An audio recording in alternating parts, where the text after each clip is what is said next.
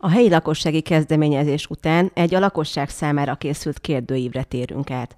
A József Attila lakótelepi termelői piaccal kapcsolatos igényeket mérte fel az önkormányzat egy elektronikus kérdőívvel.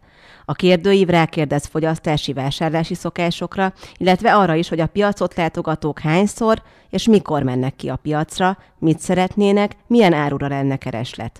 Jancsó Andrát kérdeztem a piac múltjáról, jelenlegi helyzetéről és az esetleges jövőbeni megújulásról ha jól tudom, a Fidesznek volt a kezdeményezése. Ahogy láthattuk, nagyon nagy termékkínálat vagy kereskedői kínálat nem volt, és mi ezen szeretnénk változtatni. Tehát látszott az az elmúlt években, hogy a termelői kispiacon pár áruson kívül nem volt olyan nagy a kínálat, és ebből a kérdőívből, ami most így még folyamatban van július 15-ig, abban már most az látszik, hogy igazából nem a piac elhelyezkedésével van a legfőbb probléma, hanem tényleg a termék kínálattól sokkal több kereskedőt, sokkal szélesebb árukínálatot szeretnének azok, akik egyébként is járnának a piacra. Tehát a helyszín az viszonylag jó. Ugye a 181-es buszt azt meghosszabbították pont a piac miatt szombatonként, akkor az derül ki a kérdőívből, hogy mindenki oda egyébként simán ki tud jutni. Azért megosztik ez a kérdés, hogy kint vagy egy kicsit központi helyen, de alapvetően az rajzolódik ki, hogy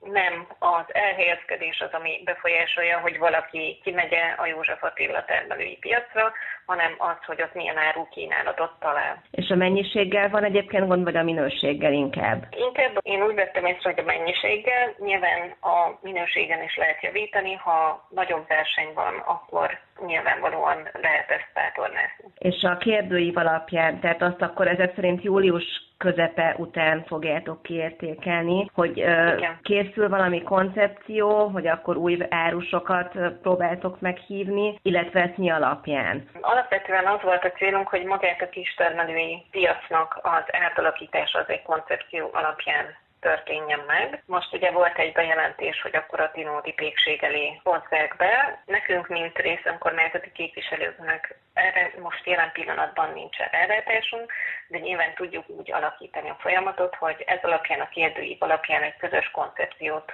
tudunk a város vezetés elé tárni, amely alapján ők tudnak majd egy jobb, vagy még jobb döntést hozni. Tehát akkor most az fog történni, hogy az önkormányzat fogja megszervezni a továbbiakban ezt a piacot. A veszélyhelyzet az mennyire hatott a piacra? Az az igazság, én beszéltem az egyik árussal, és ő azt mondta, hogy igazából ők nem is tudtak arról, hogy mikor fog bezárni a piac, hanem egyszer csak látták, hogy zárva van, és akkor nem tudtak kimenni árulni. Tehát voltak itt korábban is ilyen kommunikációs gondok? Hát az én információim szerint nem volt közvetlen kapcsolat a önkormányzat, városvezetés és a termelői árusok között, de igazából ezen javítani kell. Tehát azon is, hogy kik mennek oda, milyen termékkínálattal vállalnak-e házhozszállítást, előre meg lehet-e rendelni. Ez nagyon sok más településen vagy más kerületben működik. Nyilván nekünk teljesen újra kell gondolni ennek a piacnak a koncepcióját. Ebbe bele fog az is tartozni, hogy a termelőkkel, akik jönnének árusítani, ott legyen valaki, aki közvetlen kapcsolatot tart velük. Picit ilyen környezetvédelmi szempontú kérdés, hogy esetleg szó lehet-e olyanról, hogy közeli termelők árusítsanak a piacon. Ugye én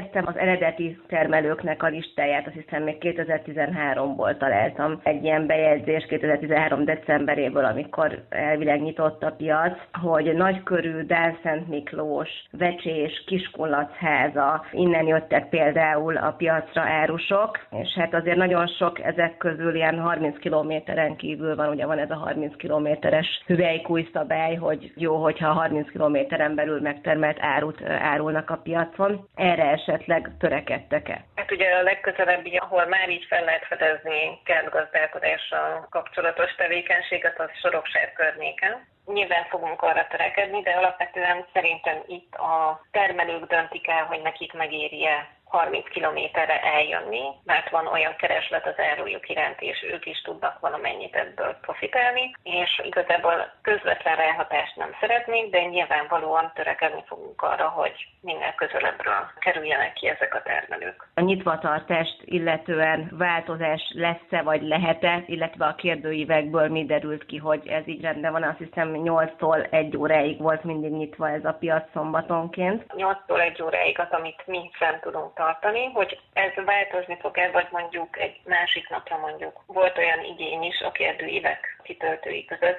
akik mondjuk egy héten kétszer szeretnének.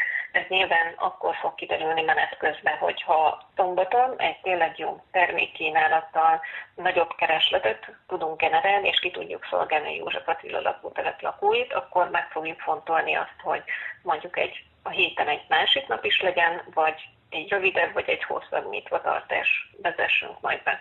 De ugye most ezzel így kísérletezünk egyelőre, tehát meg kell találnunk majd a termelőket, meg kell néznünk azt, hogy tényleg a kereslet az így fog-e változni, és ehhez fogjuk ezeket majd igazítani a továbbiakban. És akkor utolsóként mikor fog újra nyitni a piac? Remélem minél előbb, tehát hogy pontos információm nincsen egyeztetés hiányában, de szerintem várhatóan egy-két héten belül meg fog nyitni. Kedves hallgatóink, a Rádió 9 műsora ezzel véget ért. Ilyenkor mindig elmondjuk, hogy legközelebb két hét múlva jelentkezünk. Ez alkalommal azonban hosszabb időre búcsúzunk, már ami a hagyományos műsort illeti. Júliusban és augusztusban podcastokat készítünk. Minden héten csütörtökön egy-egy új epizód jelenik meg, amelyekben egy-egy különleges, aktuális, vagy éppen csak érdekes Ferencvárosi helyet, szemét, történést mutatunk be. Következő két órás magazin jellegű műsorunk szeptember 10-én lesz hallható. A podcastok azonban természetesen elérhetők a honlapunkon, a Spotify-on és az Apple Musicon is és minket is elérhetnek a honlapunkon vagy e-mailen az infokukacradio9.hu címen. A Rádió 9 munkatársai Barna Era, Bencsik Márta, Borbás Gabi, Berec Péter, Nemes Nézinger Edina, Olá Roland és Sarkadi Péter köszönik a figyelmüket. A viszonthallásra! Rádió 9. A kerület civil hangja.